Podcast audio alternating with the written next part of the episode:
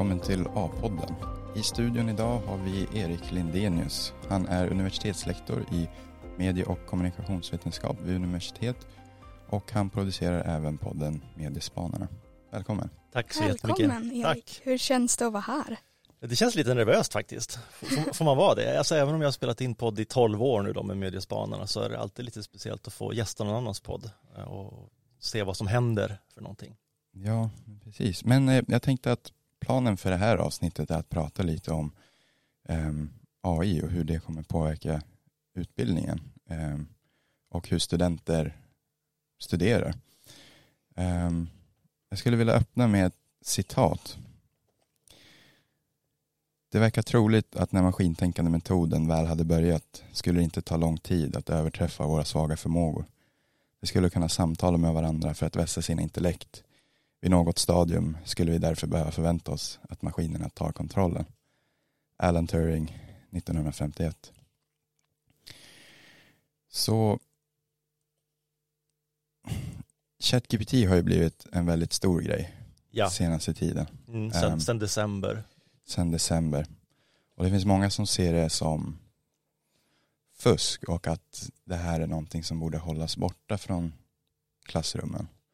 Just det. Ehm, håller du med om det? Oj, det var, det var en eh, knepig fråga direkt på en gång. Eh, s- Svaret, det korta svaret är nej. Jag tycker inte att det ska hålla, hållas borta eh, från det. Men, men det lite längre svaret är att först och främst måste man separera på AI då och ChatGPT som ju egentligen bara är ett av många, många redskap som finns när det gäller AI. För att som ditt citat säger då från början så var ju tanken om att maskiner kan lära sig på egen hand och sen agera på egen hand också eh, mer eller mindre. Jag misstänker att Turing inte- visste exakt hur avancerat det skulle bli såklart, men, men han kunde föreställa sig att det skulle bli ganska avancerat.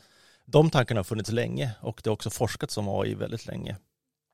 Så, så det vi ser vad gäller ChatGPT är egentligen bara ett, ett nytt redskap som helt plötsligt blev väldigt tydligt och pedagogiskt och enkelt att använda och det är därför som, som det har fått sånt genomslag. Och tittar man på, på medierna hur, hur man har skrivit om de här sakerna så kan man se, jag gjorde en, en liten ministudie bara för eh, strax innan sommaren och kollade på just det här. Och när man såg hur medierna skrev om AI så var det oftast väldigt positivt. Alternativt att det var ganska neutralt och man sa bara att ja men här kommer samhället gå åt eh, AI-hållet och en del jobb som vi har nu kommer att försvinna och därför måste vi lära oss hantera AI på olika sätt. Men när ChatGPT kom, då blev det helt plötsligt ett ramaskri och folk sa att det här kommer att innebära fusk i olika former och se här hur mycket studenterna fuskar och, och beter sig med det här redskapet. Vi måste stoppa det på olika sätt eller vi måste hantera det på olika sätt. Är det någonting som ni har tagit upp nu på universitetet? Hur ni ska hantera de här frågorna? Ja, det har vi och det är, det är en jättestor fråga och jag, förutom att vara lektor då i medie och kommunikationsvetenskap så, så jobbar jag även 30% på någonting som heter UPL som är då universitetets motsvarighet till lärarutbildning för, för universitetslärare skulle man kunna säga. Eh, så jag är pedagogisk konsult där. Och de får väldigt många förfrågningar att komma och prata om just AI och hur man ska hantera det, särskilt inom examinationer. Ehm, eh, Och erfarenheterna där är väl att lärarna inte är, alltså det finns väl ett spektra då från de som är totalt skräckslagna och, inte förstår vad det här är för någonting till de som tycker att ja, det här är nog rätt spännande. Kan vi bara få lite tips och hjälp hur vi ska hantera det här? Så vi har liksom hela den spännvidden. Vilket jag tror är väl som i samhället i stort, kanske hur man reagerar på AI. Så att många tycker att det känns ganska skoj och kul och utmanande och man är lite nyfiken. Och vad tycker du om AI och ChatGPT? Jag, tyck, jag tycker det är superspännande därför att ehm, det ställer saker och ting på sin spets lite grann för, för universiteten också. Därför att under väldigt lång tid så har ja, men, de pedagogiska formerna utvecklas åt ett specifikt håll och det, och det gör de oftast utifrån vad som är bekvämt och vad som funkar och vad som traditionellt sett har varit det man ansett vara ett sätt att examinera. Men, men om man kokar ner det någonstans egentligen, det här får jag väl bolla tillbaka till er nu då som är studenter, så här, vad, vad är egentligen universitetsstudier för någonting? Vad är syftet med det? Eh, och den frågan kanske man inte ställer sig tillräckligt ofta, vare sig studenter eller lärare, utan man, man gör sin grej på något sätt. Studenter söker till sina program och så läser man dem. Eh, ungefär på samma sätt som man gjorde i gymnasiet. Och så tänker man inte så mycket mer på det. Och lärarna är samma sak, att man håller sin undervisning och så gör man sina examinationer och sen tänker man inte så mycket mer på det. Och det som händer och som jag tycker är så fantastiskt är att när en sån här stor grej kommer som AI så tvingas alla att sätta sig ner och fundera på okej okay, men vad innebär det här nu då? Vad, vad, är lärande för någonting? Är lärande verkligen bara att, att studenter ska lämna in en text till mig och jag ska rätta den? Är det verkligen det som är syftet med alltihop? Så jag, så jag, jag vet inte om jag får säga det här, men jag tycker det är väldigt spännande och jag, jag hoppas att det blir lite, lite kaos. Sådär. Därför att då, då tvingas folk tänka till lite, några varv extra. Ja, hur, eh, hur lång tid tar det för ett universitet att uppdatera sina kursplaner så att till exempel AI skulle kunna inkorporeras i, i utbildningar? Ja, just det. Eh, det, här, det beror på hur man ser det här. Då. Eh, jag har också ska jag säga, jobbat som utbildningsledare i fem år eh, på universitetet. Och jobba som utbildningsledare betyder att man är tjänsteman då, man jobbar ganska högt upp, upp i organisationen just med utbildningsplaner och kursplaner. Eh, och utbildningsplaner kan jag säga då, för de studenter som lyssnar på det här, det är det som är era programbeskrivningar. Alltså när man tittar på universitetet då, så står det så här journalistutbildningen eller, eller strategisk kommunikation eller vad det är för någonting. Så, så är det oftast då program, eh, utbildningsprogram eller eh, utbildningsplanerna som man läser eh, och tittar på. Och när man väl är antagen på en utbildningsplan, det vill säga när ni har sökt till den här och så har ni blivit antagen och så kommer ni in, då gäller den i tre år. Vi får inte gå in och ändra någonting därför det har att göra med att vi är myndigheter och myndigheter, det myndigheter säger ska vara korrekt. Så svaret på frågan är att, att egentligen vi kan ändra utbildningsplanen ganska snabbt, alltså ungefär ett halvår innan måste det vara klart, för ett halvår innan så söker alla studenter till och vi säger så här, i mars söker de flesta studenter till utbildningar som börjar i augusti-september någon gång och innan mars då så måste det vara klart eh, och, och ändrat utbildningsplaner. Eh, så så snabbt kan man ändra dem, men, men sen är ju ni studenter fast i utbildningarna, framförallt i utbildningsplanerna. Eh, så att ska man ha in AI i utbildningsplanerna så, så är det liksom en viss fördröjning för de som är inne i systemet redan. Eh, vill man ändra kursplanerna som, som reglerar varje termin, då kan man ändra det ja, men bara innan kursen startar i princip en månad innan. Så där kan man ändra snabbare. Så att, så att examinationsformerna till exempel kan man ändra ganska fort ändå. Men, men inte, inte inom loppet av en vecka eller så, men, men på ett halvårs tid så har man. Men är det någonting, jag tänker examinationsformerna, att ni tänker att det ska gå mer mot salstentor då? Om fler börjar använda ChatGPT och sådana saker. Mm. När man skriver hemtenta så går ju samtalen just nu. Men det roliga är nu, för, för vi, kan, vi kan backa några år tillbaka eh, till ungefär 2020 när pandemin kom. Då fick de flesta universitet panik åt andra hållet. Det vill säga att man upptäckte plötsligt att ja, det går inte att, göra salstentor för vi får inte sitta i salar tillsammans. Så hur ska vi göra nu då? Ja, nu måste vi jobba med hemtentor och olika sätt därför att, för att studenterna sitter på olika håll och man måste jobba isolerat så att säga. Från att vi då tre år senare helt plötsligt går åt andra hållet. Eh, alla springer då åt andra sidan av vägen och säger att vi kan inte ha hemtentor längre därför att eh, ChatGPT gör att, att vi kan inte lita på att studenter skriver, har skrivit det här längre. Så, så precis som du säger nu så, så börjar de flesta prata om att ja, men det kanske då är salstentan som kommer tillbaka i någon form. Men sen finns det ju flera olika typer av examinationsformer faktiskt än, än att bara återge kunskap på, på sättet. Man kan göra muntliga saker eller man kan göra typer av olika hantverksprov. Det gör ni ju inom journalistik till exempel. Så, det, det ju, så, så, skrivande är ju mer än bara att liksom rapa upp någonting eller att skriva någonting akademiskt. Men vi säger studenter som använder ChatGPT. Mm. Tror du inte, eller jag tänker kunskapen, vår kunskap, våra förmågor, mm. går inte de förlorade på något sätt? om man börjar använda ChatGPT och om man förenklar massa saker? Eh, ja, vissa typer av förmågor går ju förlorade därför att Eh, och det här händer ju så fort ny teknik introduceras. Oavsett vilken typ av teknik det är så, så kommer vissa typer av förmågor att bli obsoleta, det vill säga de, de behövs inte längre. Eh, och vi måste lära oss andra saker för att, för att kunna hantera det. Om man, om man går, hoppar långt, långt, långt tillbaka i tiden innan skriftspråket fanns till exempel så kan man tänka sig att, att en väldigt viktig syssla var att eh, vara budbärare och att memorera saker. Och just memorerandet var superviktigt då därför det fanns inget skriftspråk. Och sen kom skriftspråket och så helt plötsligt kunde vilken nisse som helst i princip då ta det här pappret, gå från ena håll, hållet med till det andra och gå fram till det. Och då blev såklart de som kunde memorera väldigt bra superförbannade och sa att ja, men, det här är ju inte på riktigt, det här är ju inte bra.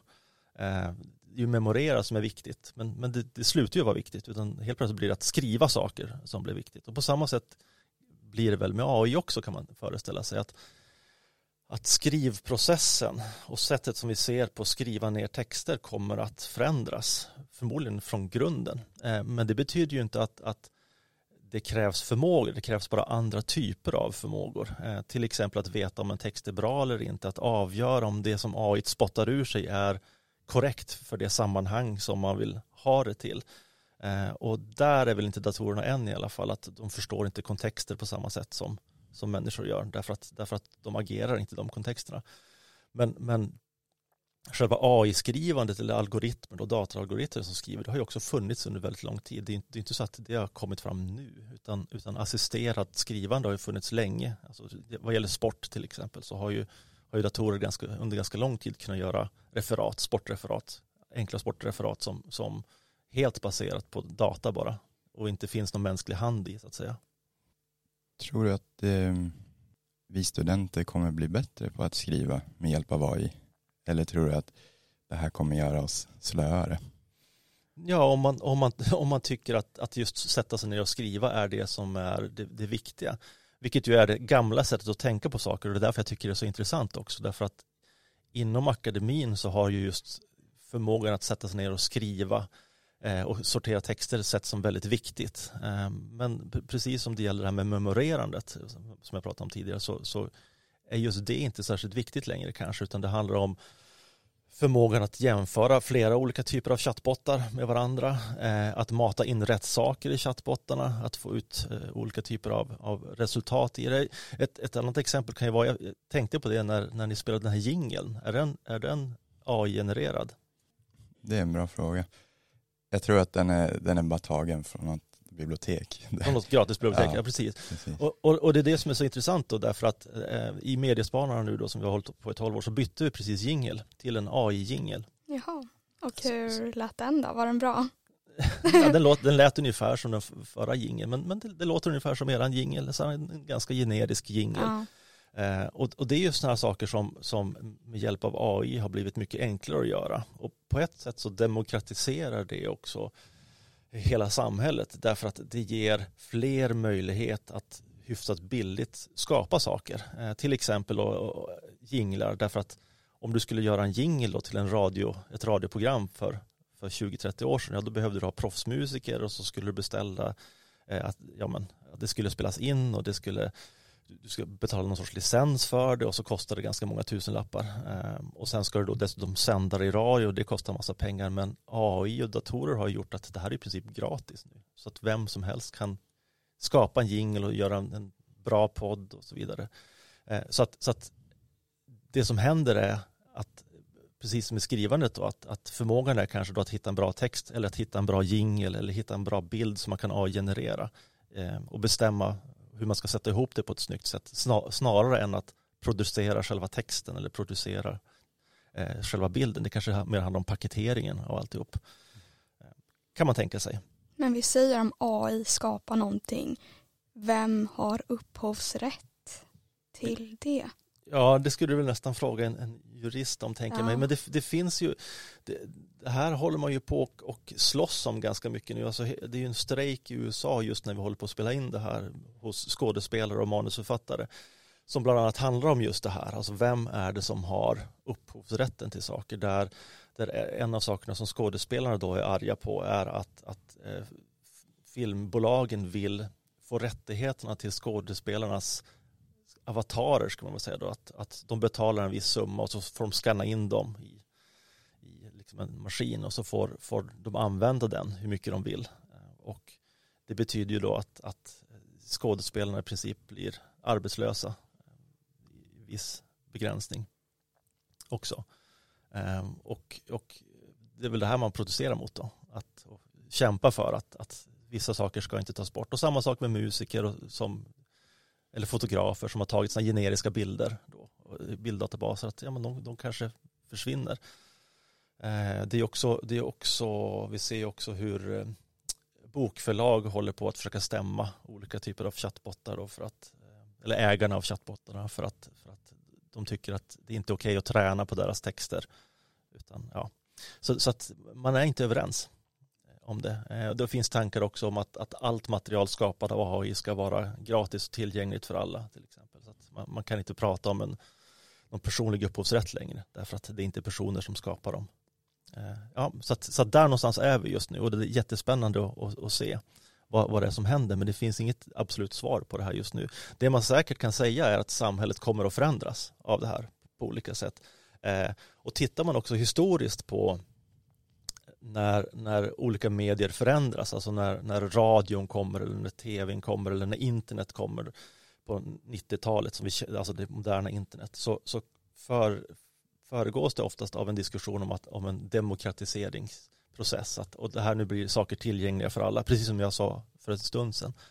Eh, men, men det man kan se också är att nästan direkt efteråt så försöker stora företag att på något sätt fånga upp det här och, och fånga in eh, och köpa upp eh, rättigheterna till att använda de här sakerna. An, ibland gör man det genom beskattning på, på medier, alltså när man skapade disketter till exempel så kom det beskattning på dem eller när man skapade kassetter skapades beskattning på dem därför att vi kopierade musik på kassetterna eh, och då ansåg skivbolagen att det var inte okej okay, utan då, måste vi få ersättning i form av skatt.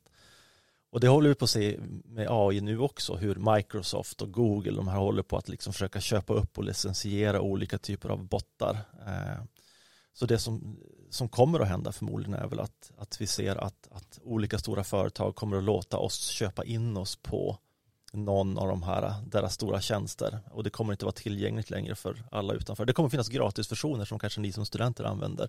Men vill du ha riktigt kraftfulla redskapen så måste du köpa någon sorts licens. Jag tänker AI-program som till exempel ChatGPT. Det de gör är att utifrån all den data som har blivit inmatad i den.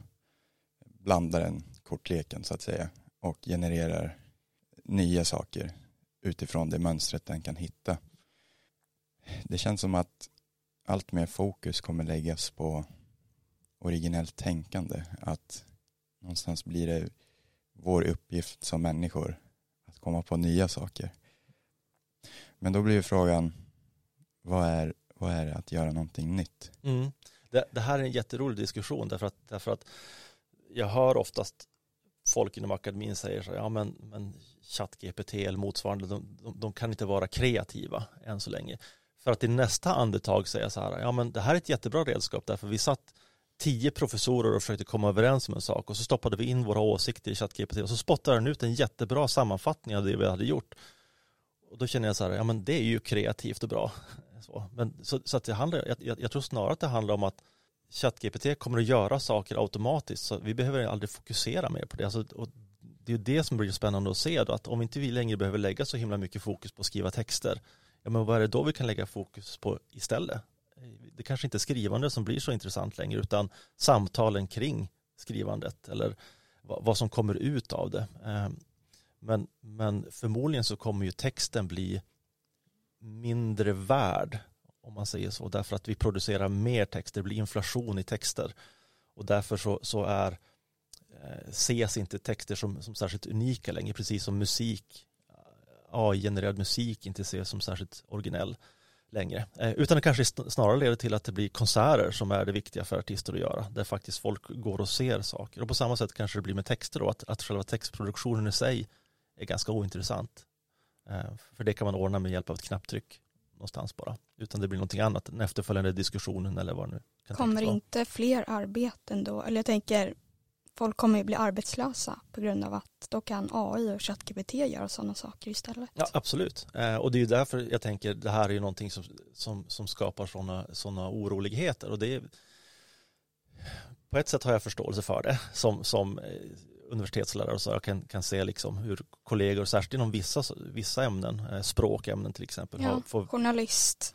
Ja. Visst, absolut. Men, men journalister ska fortfarande alltså, behöver kanske göra andra saker som att eh, fokusera mer på att gräva. Eh, istället för att sitta ner och skriva texter om det så att säga. Utan, utan det handlar mer om kanske att vara ute och samla material till det som ska in i själva skrivbotten, vad det nu kommer att heta i framtiden. Men, men ser man det ur ett mer långsiktigt historiskt perspektiv så, så sker det här alltid. Alltså det, det, kommer alltid, när det kommer en ny teknik, att vara personer som förlorar sina jobb. Men det kommer också komma nya typer av jobb eh, som en följd av det. Och sen vad de jobben är, det vet vi ju inte än. Därför att vi har inte kommit riktigt dit än. Eh, den här utvecklingen går så oerhört fort just nu. Men man måste tänka på också att ChatGPT är AI har ju funnits i årtionden. ChatGPT har funnits i ett år. Alltså åtminstone den, den version vi känner till som blev hyfsat poppis. Så att det ger det två, tre år till. Så, så tror jag att vi vet lite mer vad som... Och vart, vad tror du att vi är då? Jag, jag, jag vet inte. Alltså, man, man, får känslan lite grann av som universitetslärare just nu att man står vid en, vid en tågstation och så ser man det här ChatGPT-tåget komma åkande i full fart. Eh, och så känner man bara så här, det skulle vara skönt om man fick, fick stänga av alla utbildningar, hoppa på tåget och bara åka i två år för att se vart det här tar vägen någonstans och sen börja utbildningar igen. Tyvärr har vi inte riktigt den lyxen att göra det utan, vi, utan, utan det som händer är att, vi, att många universitetslärare försöker dels förstå vad det här innebär för någonting för dem och deras jobb samtidigt som, som det inte finns några färdiga svar än, så man famlar bara och så ska man dessutom försöka hålla igång utbildningen då, precis som vi pratade om att den här utbildningen är ju satt och klar vad som ska göras så det är bara att köra på det spåret samtidigt som man försöker hålla koll på vad det är för, för nya saker. Men, men, men det viktiga att säga också är att, att det, det går inte för lärare att, att ducka den här saken heller därför att det, det står i högskolelagen att vi har skyldighet att lära studenter att anpassa sig till det rådande samhället på olika sätt. Och, och chattbottar det här för att stanna. Jag har väldigt svårt att se att, att det skulle kunna hända någonting på den fronten. Att jag, har väldigt svårt att säga, tro att man skulle förbjuda dem helt eller någonting. Så att det är vår skyldighet som lärare också att förbereda er som är studenter för att, att komma ut i arbetslivet och kunna använda de här bottarna. Så att, så att jag tror inte heller på förbudstanken eller någonting sånt. Eh, det är helt fel väg att gå. Däremot så kanske man som student måste ha lite överseende för att det är ingen som vet exakt vart vi är på väg just nu. Det är inte så att, så att universitetslärarna sitter på svaren heller, eller gymnasielärarna, eller högstadielärarna. Sen är det också väldigt stor variation mellan, eh, alltså universitetet är ju väldigt stort som arbetsplats. Vi är 4 000 anställda och det är 36-40 000 studenter ungefär och väldigt olika utbildningar och vissa utbildningar påverkas knappt alls av det här därför att de har om man tar läkarutbildning till exempel, de har mest salstentor, de har alltid haft mest salstentor. Så de fick panik under pandemin därför att eh, nu kan vi inte göra salstentor längre, men nu när ChatGPT kommer så rycker de bara på axlarna och säger, jaha, vadå salstentor, det har vi alltid hållit, så det är inget problem för dem. Medan humaniora som ni tillhör då, ja. journalister och så där, har varit tvärtom, att, att när pandemin kom så sa de, ja men hemtentor det är inget problem, därför det har vi alltid gjort. Men nu får man panik därför att salstentor har man inte pysslat med utan man har pysslat med skrivande. Mm.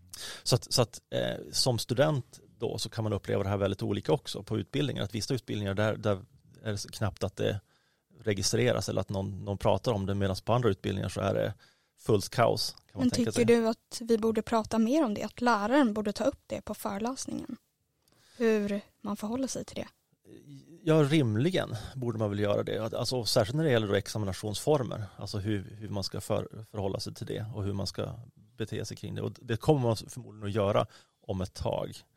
Eh, om ett tag? Ja, ja. men, men där, därför att eh, ja, vissa utbildningar så, så ja, men de, de planeras ju några månader i förväg. Så, och ChatGPT är som sagt var i december, eh, det, det är knappt tio månader sedan, så, så slog det ner som en bomb liksom. och sen tog det ytterligare några månader innan folk fattade vad det var för någonting.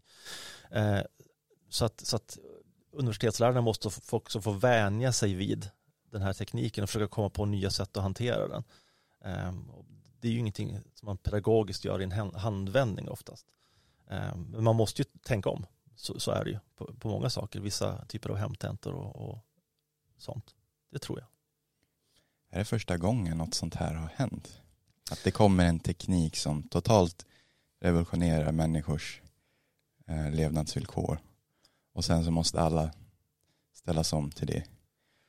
Det har, det har skett med jämna mellanrum men det har aldrig gått så här snabbt såklart därför att tekniken är ny. Men, men när, när eh, boktryckarkonsten kom så skedde samma samhällsförändringar också men det tog, det tog flera, flera årtionden innan det liksom ens gick att märka någon större skillnad därför det spreds långsamt över, över världen.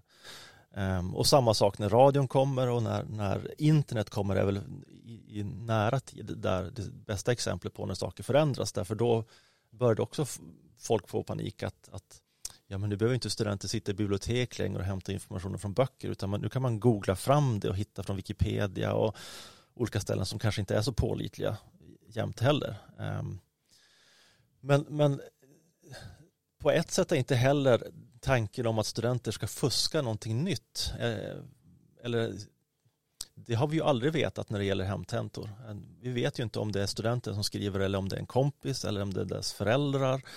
Eh, så att, så att den här typen av, av hjälp och stöd har också alltid varit en demokratisk fråga.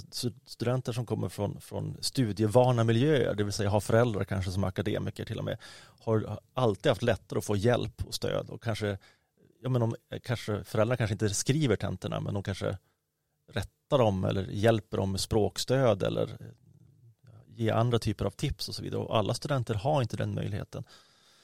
Eh, så det AI har medfört är ju att, att det kanske blir mer rättvist och att alla studenter har samma förutsättningar med att, att få hjälp och stöd av någon. Nu blir det en AI istället. Men, och då är diskussionen snarare hur ser vi som universitet till att alla studenter får lika mycket hjälp av AI? Det finns ju gratisversioner och så finns det mer avancerade versioner.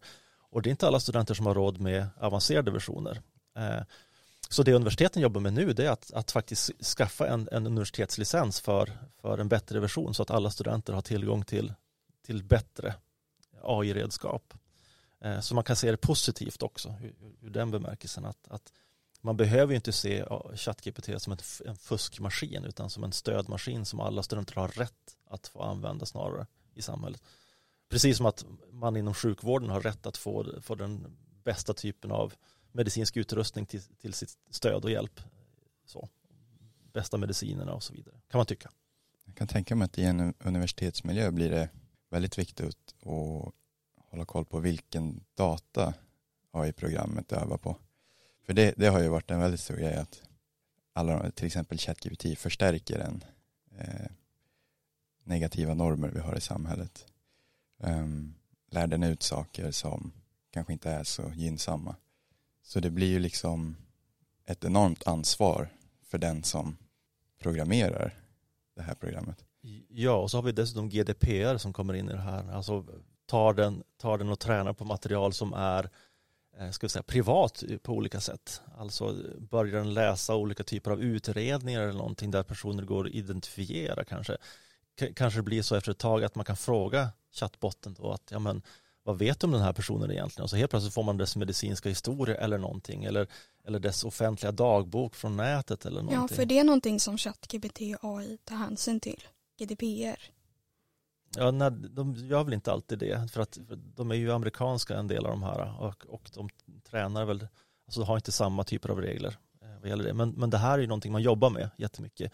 Och en, en trolig utveckling då, för, förutom det här att företag då eh, stänger in, vill stänga in de här tjänsterna och vi får betala för dem så kommer vi nog förmodligen också se kanske att internet inte kommer att existera på det sättet som vi känner till det idag utan att internet kommer att vara mer isolerade öar. Alltså vi kanske kommer att ha ett EU-internet eller någonting därför att vi vill inte ha kontakt med Kina eller kontakt med Ryssland och, och vad som innebär med alla ryska bottar som kommer in och liksom mm. med, med, desinformation eller någonting. Eh, så att, så att det kan bli starkare brandväggar mellan olika delar eller till och med liksom isolerade former av, av internet och man skulle kunna tänka sig en framtid, det här är bara ren spekulation då, att vi, vi ser hur universitet går samman och har isolerade universitetschattbottar som, som tränar egentligen bara på vetenskapliga texter i princip och sen kan man då ta hjälp av dem som student på, på olika sätt.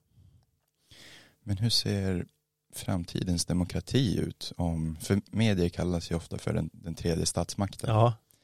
vad händer när den genomsnittliga medborgaren inte kan avgöra om en text är mänskligt skriven eller AI-genererad eller en video för den delen.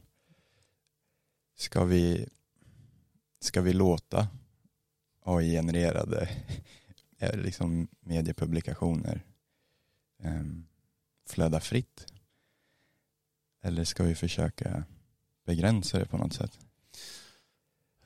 Ja, alltså eh, det är en utopisk tanke att tänka sig att vi skulle kunna liksom reglera det där på något sätt. Men, men förmodligen kommer det att hända också så att, att det blir en skiktning i samhället vad vi tar del av för information. Att, att det kommer att finnas gratis information att ta del av för de flesta men den kanske inte heller är superpolitlig av olika anledningar därför att den tränas av, av bottar som, som liksom samlar ihop alla, all möjliga data och egentligen bara till för att spotta ut underhållning. Och sen kommer det att finnas tjänster förmodligen som då är eh, mer pålitliga som säkert kommer att kosta en hel del eh, vilket gör då att, att det kommer att bli en, en ja men, fråga om vilka resurser du har tillgängliga för att om, om du får bra eller dålig information. Så det kommer förmodligen bli någon sorts kanske en skiktning i samhället där, där liksom vissa medborgare får, får, får skräp då inom situationstecken och vissa, vissa får det bättre förspänt.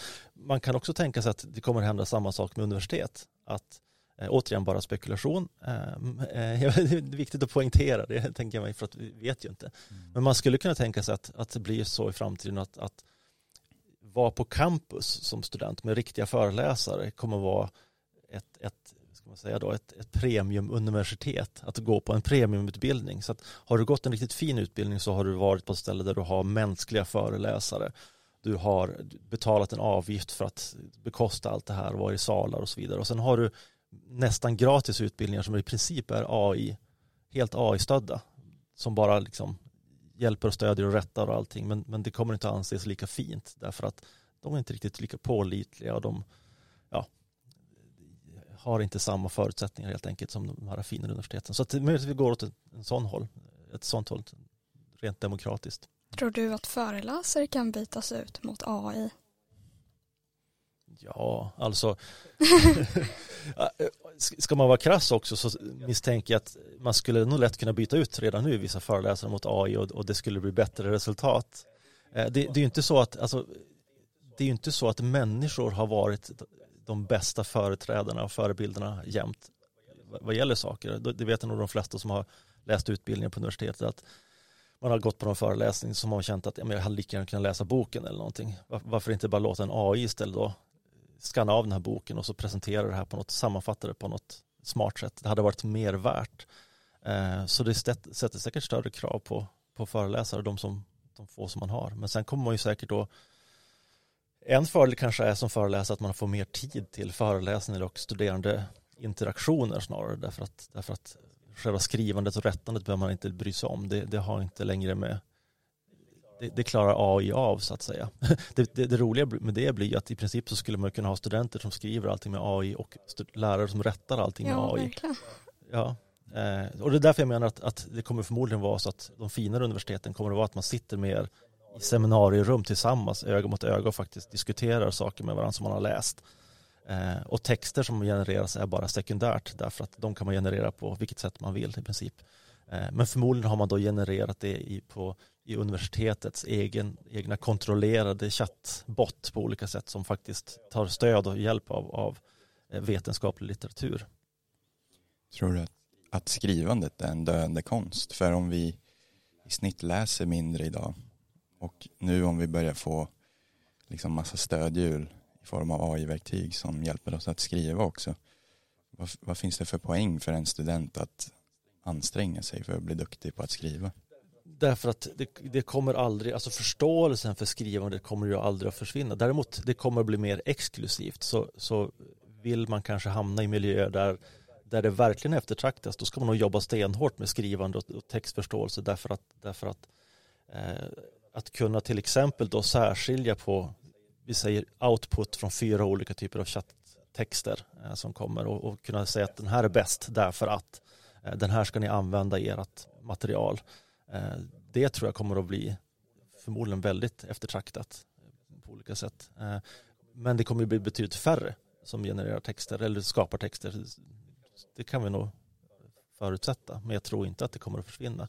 Det är som att titta på gamla medieformer, alltså teater till exempel, jättestort på 1800-talet. Sen kom bion i slutet av 1800-talet och så tog det över och det skapade massa yrken eh, inom, inom biokonsten. Men det är fortfarande en konst att skriva manus till exempel. Så manusförfattarna fanns kvar men gick från teatern till bio och sen ble, blev, blev det strömmande och så eh, gick manusförfattarna över till strömmande istället. Och nu har man tagit hjälp av, av AI men, men då kanske det manusförfattare flyttar till, till nätet på olika ställen och egna plattformar för du kanske kan då vara duktig på att skriva manus men generera din egen film med hjälp av AI. Eh, så det är så du kan jobba, att du kan fokusera på vill jag jobba specifikt med skrivandet för att stoppa in i AI eller vill jag få saker av AI och sen generera andra outputs av det själv.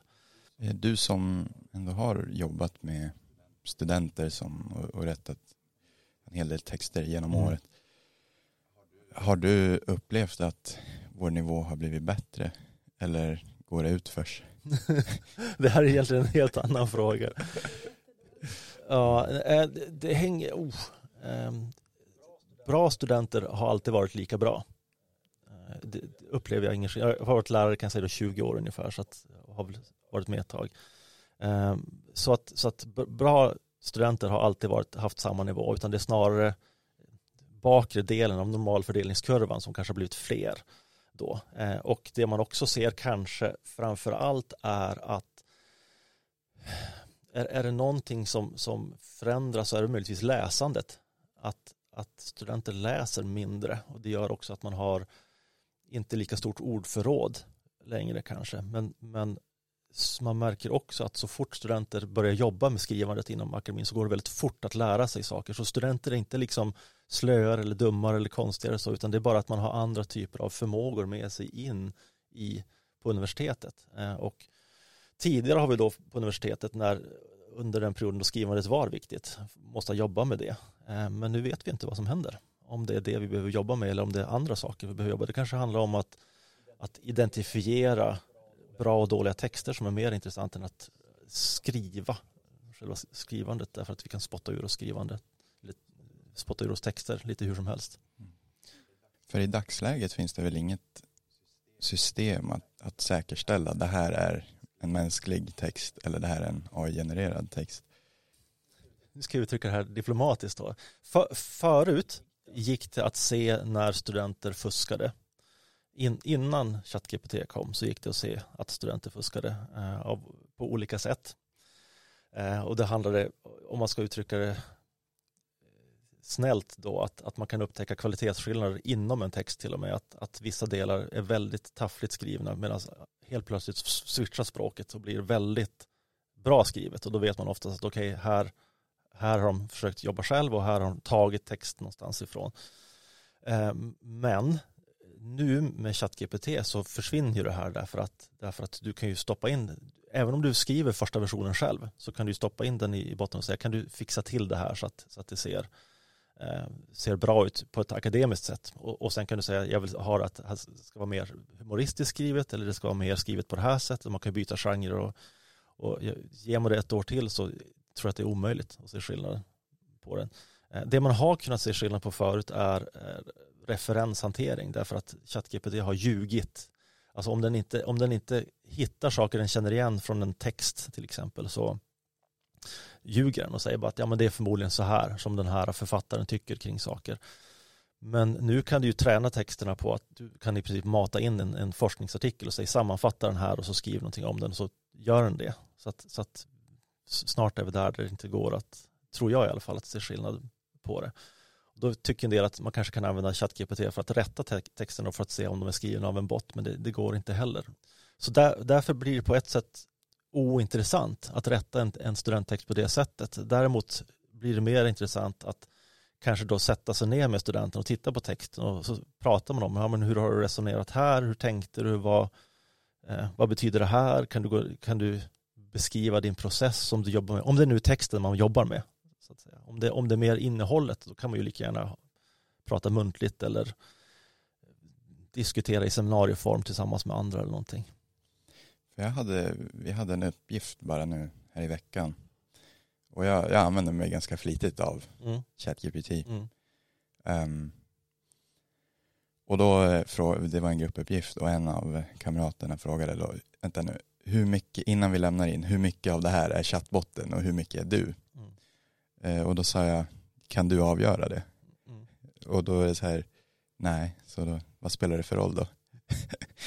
nej men det, jag håller med, det, vad, vad, spelar det för roll? Och, och det för oss också tillbaka till frågan, vad är utbildning för någonting? Vad gör ni där? Är, är, är syftet med att studenter är på universitetet att lämna in texter som man själv har skrivit? Ja, men ja, då kanske då kanske man ska ändra i kursplanerna då och tala om att ja, den här kursens syfte är att ni ska lämna in texter som ni själva har skrivit och då får man ju se till då som lärare att ja, men då, då sätter vi oss eh, på campus, på plats och så sätter vi oss med, med penna och papper och skriver för hand om det är det som nu är det viktigaste. Men handlar det om, om kunskaper, då, hur, hur man som student tar till sig kunskaper spelar ju egentligen mindre roll. Eh, det viktigaste är kanske att man kan diskutera dem och motivera varför man pratar om saker och vad som är korrekt och vad som inte är korrekt. Att kunna diskutera sådana saker, sanningsanspråk och så vidare. Vad, hur tolkar du den här texten och hur tolkar jag den här texten? Hur tolkar ChatGPT den här texten? Tolkar vi det på, på samma sätt? Och, och, så vidare. Så att, så att det, det, för mig, alltså tittar man på det liksom med några års på några års sikt så, där, så tänker jag mig att det, det ChatGPT kommer att göra också tror jag att universiteten får en lite mer avslappnad hållning till texter. Just nu är man så himla fokuserad på just den här tentan, det ska lämnas in och du ska ha skrivit den och så vidare. Eh, sen fusk och så vidare inom, inom akademin, det är ju inte att man egentligen inte att man låter någon annan skriva en text utan det är att, att man medvetet vilseleder rättande lärare. Alltså man, man lämnar in en text till en myndighet och säger det här, det här har jag gjort. Då är det vilseledande. Men om en lärare säger då så här att jag skiter i hur ni har skrivit den här texten, om det är ni eller en chattbot eller någonting, men, men ni ska stå för den här texten, då, då är det ju inte fusk på något sätt. Därför att då har man inte vilselett läraren. Men alltså att otillbörligt eh, säga saker till, till en myndighetsperson då som ska sätta betyg, det är, det är det som är det straffbara. Och kan man åka fast för det då? Ja, det skulle det man ju... straffbart. Ja, det är ju straffbart. Man kan, ja. bli, av, man kan ju bli avstängd ja. från, från utbildningarna om man, om man vilseleder då, medvetet. Men, men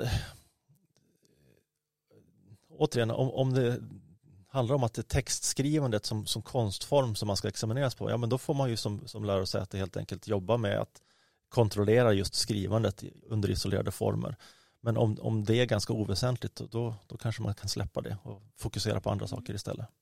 Yes, ja, vi måste börja avrunda nu. Uh, ja. Tack så jättemycket Erik för att du ville komma hit och gästa oss. Tack för att vi fick komma. Tack så jättemycket.